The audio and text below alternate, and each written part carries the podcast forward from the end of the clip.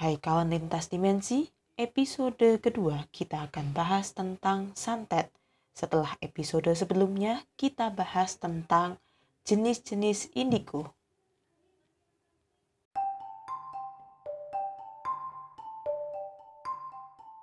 Setiap segi kehidupan kita tidak terlepas dari yang namanya hal-hal mistis. Terlebih lagi jika kita sudah membicarakan penyakit aneh yang diterita oleh seseorang dan ujungnya adalah santet. Eh, sebentar, sebenarnya santet itu sendiri apa ya?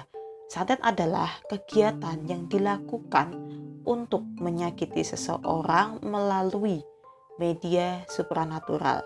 Kalian lintas dimensi, yuk kita mengenal santet lebih dalam lagi ya di episode kali ini.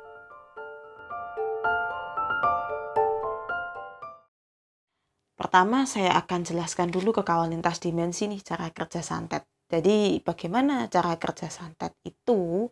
Pertama, orang yang ingin kirim santet harus ke dukun atau siapa pun yang menyediakan jasa santet ini, gitu ya. Dan tentunya harus orang yang profesional karena kalau tidak profesional ya berarti siap-siap saja kita ditipu. Itu biasa terjadi. Jadi, sudah menawarkan jasa santet rupanya dia hanyalah seorang penipu ulung. Oke. Next yang kedua adalah dia akan membawa segala persyaratan yang sudah disepakati. Dia ini artinya orang yang menginginkan santet itu dikirim gitu kan melalui dukun tertentu dan tentunya dia akan melakukan perjanjian tertentu dengan si dukun gitu. Misalnya dukunnya menyuruh tolong bawa telur busuk, tolong bawa bunga tujuh rupa ataupun membawa ayam cemaninya ataupun hanya darah ayam cemaninya dan lain-lain. Itu setiap dukun berbeda-beda dan tidak bisa disamakan satu dengan lainnya. Kembali dengan cara mereka. Lalu yang ketiga adalah si dukun akan melakukan cross check terlebih dahulu apakah targetnya bisa dikirimkan santet atau tidak. Nah, jika bisa, maka prosesnya akan dimulai. Tapi ingat, semua yang dilakukan itu mengandung karma. Artinya meskipun si santet ini berhasil dikirim ya ke targetnya, targetnya mengalami kesakitan luar biasa sampai maaf, mungkin targetnya meninggal dan si dukun ini tetap akan kena karmanya dan si orang yang berniat ngirim pun juga akan kena karmanya, tetapi tidak tahu kapan karmanya itu akan berlaku. Itu efek buruknya tetap ada. Tetapi jika tidak berhasil, saat itu juga akan kena kepada dukunya maupun kepada si orang yang meminta. Memang tetap sih hasilnya adalah gak enak semua begitu ya. Ya namanya juga ini media menggunakan ilmu hitam. Kita perlu tahu itu kan. Tentu konsekuensi-konsekuensinya harus kita terima. Kita sudah berani berbuat ya kita jangan lari dong. Itu aja. Nah perlu kalian lintas dimensi tahu bahwa jenis-jenis santet itu ada beragam bahkan tidak hanya di Indonesia ya. Di luar negeri pun seperti yang kita kenal seperti menggunakan boneka bernama voodoo atau voodoo itu juga salah satu jenis santet gitu ya. Memang itu diperkenalkan di film-film horor tapi memang ada media itu ada. Dan entah mungkin di negara-negara yang lain ada yang menggunakan media yang berbeda ya tidak mesti boneka atau mungkin menggunakan media hewan misalnya atau apa saya tidak tahu. Nah itu yang perlu kawan lintas dimensi tahu. Jadi kata santet memang betul itu ada di Indonesia tetapi tradisinya ataupun pelakunya maupun cara melakukannya sebetulnya di seluruh dunia itu ada. Dan kita tidak bisa menghindari hal ini. Tetapi untuk mencegahnya ada dong. Makanya stay tune terus, perhatikan terus ya setiap informasi yang ada dan ini penting banget setelah ini. Oke? Okay?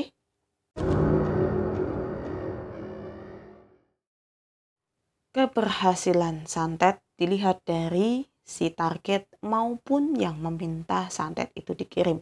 Apakah keduanya ada rasa dendam yang besar atau tidak? Kenapa harus rasa dendam? Karena dendam itu energi negatifnya tinggi. Termasuk amarah itu tinggi ya. Dan itulah bahan bakar. Atau kalau kita bilang itu bensinnya gitu ya untuk si jin yang menjadi kurir dalam pengiriman santet ini bisa berjalan? Ya, tentu. Karena kan meskipun kita sudah menyiapkan ubur rampe ya atau persyaratan yang di depan yang sudah diperjelas uh, oleh si dukun, ya tetap si jin ini tidak akan bisa berangkat kalau ternyata gitu kan misalnya si target itu ya tidak ada kebencian terhadap orang yang akan dikirim. Atau gitu kan si orang yang mengirim ini sebetulnya hanya coba-coba yang gak ada. Itu yang perlu kawan lintas dimensi tahu. Jadi memang dibutuhkan energi amarah luar biasa dendam luar biasa yang negatif-negatifnya keluar begitu kan. Ini yang menjadi bahan bakar, ini yang menjadi bensinnya untuk bisa ngisi perjalanan itu. Anggaplah gitu ya. Misalnya si Jini naik motor gitu kan. Nah, ini bahan bakarnya untuk dia bisa jalan sampai ke si target dan masuk begitu. Nah, perlu diperhatikan juga bagi kawan lintas dimensi keberhasilan lainnya adalah terlalu was-was, terlalu uh, apa ya khawatir dengan adanya santet ini. Waduh, jangan-jangan si Anu bakalan nyantet saya dan memang si Anu sedang menyantet saya misalnya begitu. Ya otomatis akan terkirim dan bahkan bisa masuk dengan sangat baik ya ke tubuh orang yang dituju. Karena apa? Karena kita dari pikiran kita sendiri pun sudah uh, apa ya mempersilahkan jin itu untuk masuk atau kir mempersilahkan kiriman apa pun itu untuk masuk ke dalam tubuh. Tidak ada syarat atau tidak ada pelindung. Sementara jika kita tidak pernah berpikir seperti itu atau kita tidak pernah terlalu emosi terhadap seseorang begitu kan ya sudah itu akan lewat-lewat saja bahkan akan terpental jauh perlu kalian lintas dimensi pahami juga bukan berarti ya ini pemahaman yang salah di masyarakat. Sering-seringnya adalah dikatakan bahwa oh orang itu nggak kena santet karena dia ada kodam penjaga karena ada jin penjaga. Tidak selalu ada hal semacam itu itu itu itu maksudnya adalah supaya kaum lintas dimensi tidak terlalu bergantung kepada makhluk lain. Betul sih kita hidup berdampingan ya tetapi kita kalau bisa jangan terlalu bergantung jadi manja dong gitu kan. Padahal manusia itu lebih ya dari segi energi pun lebih baik dari segi apa pun sebenarnya lebih baik. Kalau kita percaya diri ya dengan diri kita sendiri. Dan yang tentunya adalah terakhir adalah kita tidak pernah berbuat buruk kepada orang lain gitu loh.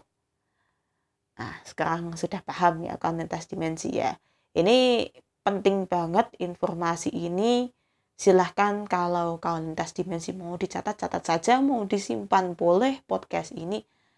Saya malah sangat menyarankan karena bagaimanapun juga ya meskipun ini sudah di tahun 2020 pelaku santet itu masih ada banyak itu ataupun mungkin uh, sekarang sudah tahun 2025 bisa jadi masih ada juga gitu kan. Uh, perkembangan zaman tidak mempengaruhi praktek-praktek semacam ini untuk berhenti begitu. Meskipun ada banyak orang yang bilang ah ngapain sih? Tahun begini masih percaya gitu kan. Wah mainmu kurang jauh nih kayaknya kalau soal hal-hal begini. Malah justru semakin majunya zaman itu ya ilmu-ilmu semacam ini pun juga ikut berkembang. Jangan salah ya bukan hanya teknologi tapi ilmu semacam ini pun ikutan berkembang. Dan itu yang uh, kita waspadai boleh tetapi kita tidak boleh terlalu takut sampai was-was sampai akhirnya khawatir yang berlebih ya tidak boleh. Itu berlebihan kan jadinya. Begitu ya kalau lintas dimensi. Oke dan saatnya kita menuju ke penutup dari podcast ini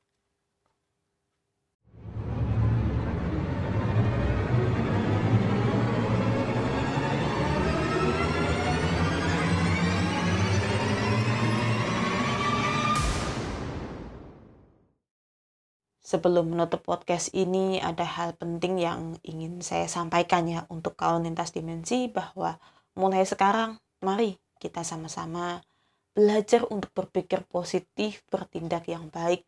Betul orang di luar sana bisa jadi menyakiti kita ya, berbuat buruk kepada kita, tetapi kita coba sama-sama belajar untuk uh, stop tidak membalasnya, stop untuk tidak berpikir buruk lagi kepada mereka. Saya pun juga butuh untuk belajar semacam ini. Apalagi saya mengakui diri saya ini mudah sekali untuk marah. Jadi saya pun juga sedang belajar untuk mengelola emosi yang ada gitu kan.